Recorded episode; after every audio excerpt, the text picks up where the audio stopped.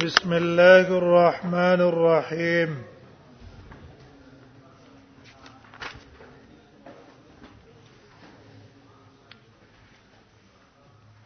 ندلته مصنف رحم الله د عمرو ابن عبید په باره کې دا خبره نقل کړه چې د دروغجن ده وبي قالت سنه حجاج قالت سنه سليمان قال وبي قال سنة سلم بن شبيب قال حدثنا الحميدي قال حدثنا سفيان قال سمعت أبا موسى يقول أبو موسى واي حدثنا عمرو بن عبيد قبل أن يحدثها يا قبل أن يحدثها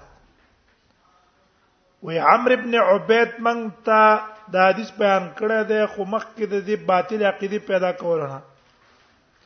اے خارجي شوی چې نو کنه نو دا غې نه مخکې مونږ ته مونږ ته د حدیث بیان کو نو ګوره دا دلیل شو دی خبره چې د پیڅو کړلو د په تنقید او جرح وکړه کنه دا تنقید او جرح درواتو څه نه ده دا عیب نه ده دا غیبت نه ده بالکل جایز ده بلکې د پاده د دین نه وبه قال حدثني عبيد الله بن معاذ الانبري قال حدثنا ابي قال كتبت الى شعبه ما شعبه تخطو لیکلو اساله عن ابي شيبه ما ته تپوس کو د ابي شيبه نه مبارکه قاضي واسط چې د واسط قاضي ده فكتب الي انه هغه ما ته خط ولیکلو چې لا تكتب عنه شيء غره داغني ودي سونه لیکي او ومزق کتاب استزما خط سکو وشکو پام کو داغه نه څونه کې دي شنو نه لیکي غره د اجر حشو کنه شو وبي قال حسن حسن الحلوى وبي قال حدثنا حسن الحلواني قال سمعت عفان قال حدثت حماد بن سلمة وای ما بیان کو حماد ابن سلمہ ته حدیث عن صالح المری د صالح المری نه به حدیث عن ثابت یو حدیث چې هغه نقل کړو د ثابت نه ایو ما او تو ویل چې حدثني صالح المری عن ثابت فقال قسم دوار الكذبه دروغ ویل دي وحدثت همامه بیا زرا اولګې دلما د حماد ابن سلمہ په ځای مې حمام ته حدیث بیان کو د صالح المرین به حدیث فقال كذب اغل دا دروغجن د حدیث ته دروغ ویل وګوره دواړو کسانو ته نسبت ته څوک کړو د کذب او کوشش کذاب ده و به قارسه اوس د حدیث کوم یو ته بیان کړي پته نه لګي و به قارسه محمود بن غیلان قارسه ابو داود قال قال لي شعبه وې ما ته شعبه ویله چې ایت جرير ابن حازم وې تلاړ شه جرير ابن حازم ته ورشه او فقل له دي جرير ابن حازم ته وایا لا يحل لك استاد پر جائز نه دي ان تروي عن الحسن ابن عماره چې ته دې روایت ته حسن ابن عمار نه نقل کې جرير ابن حازم ته ثقه سره تعالی دا چانه د دې حسن ابن عمار روایتونه نقل کول تعالی جایز نه دی ولې ځکه ثقه سره د کذاب نه روایتونه نقل کول له جایز نه فانه یکذب ځکه هغه دروغ وای دروغ قال ابو داود وای نو قلت لشعبه وای ما شعبه تی ویل چې ته ما ته وای چې ورشه جرير ابن حازم ته وایا چې حسن ابن عمار روایتونه منقل کوا ځکه حسن ابن عمار کذاب دی وای ما تل دا کم جنہ تا ته معلوم ده چې دا کذاب دی فقلت وای ما ویل دي شعبه ته قال ابو داود وی قلت لشعبه نو ما شعبه ته ویل وکيف ذاک سرنګ تا ته دا معلوم ده چې دا دروغ وای د دروغواله تا د کوم ځای معلوم ده فقال ناقرات ویل حدثنا عن الحكم باشياء ودا د دینه ما ته معلوم ده چې د مونږ ته احادیث به بیانول د حکم نه د حکم نه باشیاء لم اجد لا اصلا د سې حدیثونه راته بیان کړي چې ما دا غي د پاره سر اصل نه مندل دروغ دي هذا قلت له به شيء وې ما ته الله کوم دي څونه تا ته بیان کړی دي د حکم نه چې دا غیر پر سر اصلونه وکم کوم دي سته قال نو یا غرات ویل وی قلت للحكم ما خپل حکم ته ویلو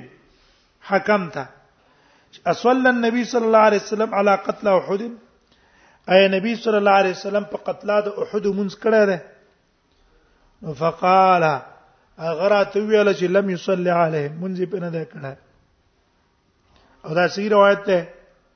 چې نبی صلی الله علیه وسلم په شهیدانو د احد باندې څه کړه ده مونږ په اونکړو ودفنهم فی دمائهم او په اینو کې څه کړه خخې کړه نو حسن ابن عماره نه ماته پوسو کړلو چې دې باره کې ته څنګه حدیث ته وایسته حسن ابن عماره راته ویاله عن الحكم عن مقسم ابن عباس حدیث راته بیان کو د مقسم نه چې مقسم حدیث بیان کړی د چانه اے حدیث بیان د حکم نه حکم د مقسم نه مقسم د ابن عباس نه چې ان النبي صلی الله علیه وسلم علیهم ودفنهم نګورا ما په خپل روایت ته چانه واوریدو حکم نه چې مونږ په نه ده کړه او دراته حکم نه حدیث د دروغ جوړ کړو چې مونږ په کړه ده وګوره د چې د تکذاب ویل دا د صریح معلومو چې دا روایت د حکم عن ابن عب... عن مقسم ابن عباس کې صلات نش صلات نشتا بلکې پای کې څه دي نه پې د صلات ته دوته نسبت ته صلات کو دا په کې دروغ جن ده ها باقی مسله هغه دار په شهید باندې صلات شته کنه شته هغه علماء منځ کې اختلاف ده صلات احکام الجنایز ابواب الجنایز کې هغه سره تعلق ده جمهور علما قائل دي ده دي امام احمد امام شافعي امام مالک چې په شهید باندې مونږ نشتا مو په نه کې ځکه رسول الله سم په شهیدانو د احد مونږ نه ده کړه امام بنفا هغه چې نه په شهیدانو باندې به مونږ کې سبب کې شهیدانو باندې به مونږ کې ځکه بعض روایتو کې راځي چې نبی سم په حمزه مونږ کړه بل د وفات ته مخکې رسول الله صلی الله علیه وسلم شهیدانو د احد ته ورغله کنه او قبرون د پاسه پی مونږ کړه ٹھیک شو دوه روایتونو تطبیق ده لیکن د دوه روایتونو کې خبره ده ده مونږ کول کې بهتر دي من غیر وجوبن څه پیښوي کنه مونږ په کول څه دي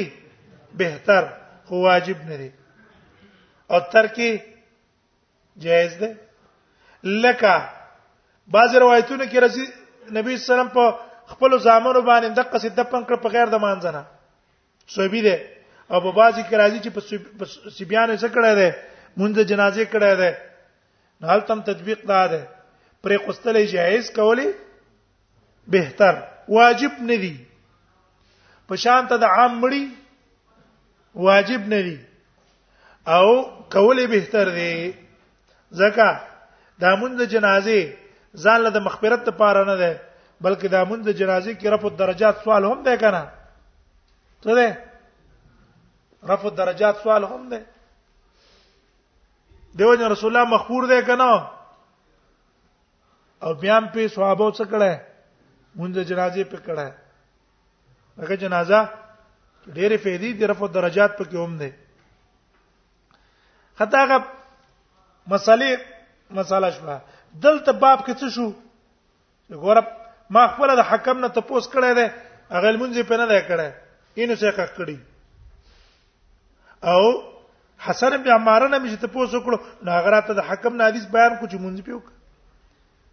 ځکه دا را روانه دویم مثال دویم قلت للحكم وما په خپل حکم ته ویل ما تقول فی اولاد الزنا کم الکان چې د زنا نه پیدا شي عمر شي نو د دې څو کم نه وي غرات ویل صلی الله علیه منځ په کې ځکه مسلمانان دي اته دي دا مسلمان دی جنت ته به الله بوزي د ماشوم خو په دې کې ګناه نشته ګناه د چا ده دا د مور ده او هغه پلار د نطفه نه چې پیدا دی په زنا باندې دغه ګناه ده دا دغه په کې څه ګناه نشته کنه دغه د عمل په کې دخل نشته چې مړ شو پر کوټیوالي کې چرته بزي جنت ته بزي او چې غټ شو په دار اسلام کې تابع ده د چا ظاهر دا چې دا مسلمان دی او د بلوغ نه بعد چې د اطاعت الله او د رسول کو اعلی مؤمن دی په مور او پلار په عمل باندې شاته کای کیږي نه ٹھیک شو قلت ما تول من حديث من يروى ما ته الله د چانه نقل شوی دی چې مونږ به پکې قال يروى عن الحسن البصري ودا د حسن البصري قول له يروى عن الحسن البصري باندې ورسېدل دا قول دی چې حسن البصري حسن البصري قول له موقوفه چې هغه دا مسلمان دی مونږ به پکې اگر که د زنا نه پیدا ده نو فقال الحسن بن عماره وې دا حسن ابن عماره نه چې ما ته پوسو کړو نو هغه څه دا مرفوع کو چې حدثنا کما يحمل الجزار عن علي رضی الله عنه چې علي وای چې نبی صلی الله علیه وسلم فرمایي مونږ به پکې اوس ګوره دلته راشي که یو ثقه سره یو ثقه سره هغه روایت تقص ذکر کی چې یو ته یو شان قول ته نقل کی او بل ته مرفوع نقل کی ټیک شو دا سبب د جرح نه ده ولی وجدا دا چې ټیک دا غبت موقوف نقل کړي دی بل مرفوع دی بل ثقبت مرفوع نقل کړي کله یو روایت یو تن موقوف اوریدلې بل ته مرفوع اوریدلې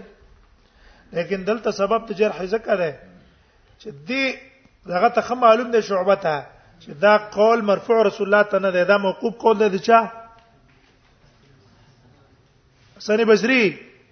لیکن اثر ابن عماره د ځان نه څه کړی دی مرفوع کړه دی عالی ته نو په سقاو په دلایلو ته معلومه نو ځکه به جرح وکړه وې ده کذاب دی دروغ وای نو ګوره حاصل دا شو چې د فیصله د کذب کړي وا چې دا دروغجن دی وبي قال سنسر الحلواني قال سمعت يزيد بن هارون وذكر زياد بن ميمون ودي یزید ابن هارون ذکر کو زیاد ابن میمون فقال ندی یزید وای اے فقال ودی زیاد ابن میمون ویل حلفته ودی یزید ابن هارون وای ما دا قسم کړو چې الله اروي عنه شيئا زبدي زیاد ابن میمون نه پس دینه څنګه کومه روایت بتنه نقل کوما ما دا قسم کړو ولا عن خالد بن محدوج او قسم په الله چې زبد خالد بن محدوج نم روایت نه نقل کوما وقال او دی یزید ابن هارون ویل چې ما ولې دا قسم کړه زبد چانه روایت نه نقل کوم زیاد ابن میمون نه او همدارنګه د غنه خالد ابن محدوج نه او دا مې زکه ویل چې لقیت زیاد ابن میمونه قال کزه مې چا تراجه ده یزید تا یزید ابن هارون تا د یزید ابن هارون وای زکه ته قسم زکه نه روایت نقل کومه چې زه ملاقات شوم د زیاد ابن میمون سره فسالت عن حدیث وای ما او تا تپوس مې ته وکړو په بار د یو حدیث کې نو فحدثني به نشته د ما ته بیان کړو چې حدثني بکر البکر المزنی دا د چا مسند وګرځاو بکر مزنی بیا ثم عدت الیه به مې ته پوس وکړو نو یره دا پلان کې حدیث څنګه ده وی فحدثني بن مورق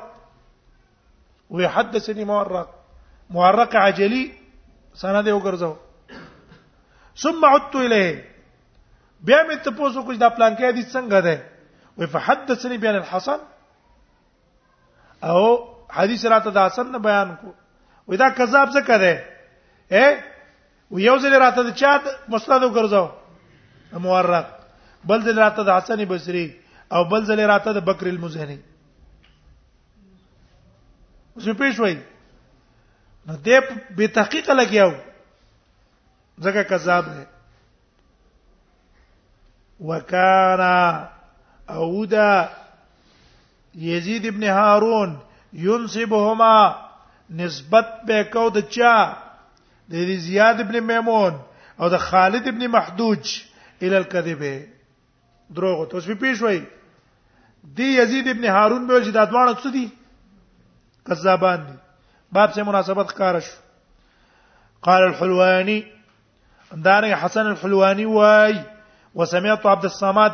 ما د عبد الصمد نوم اوریدل دی وذکر وذکرت عنده او داغه په خوا کې مم ذکر کو زیاد ابن میمون فنصبه الى الكذب اغم د نسبت روغ تو کو جدا کذاب دی ځان دې ساتي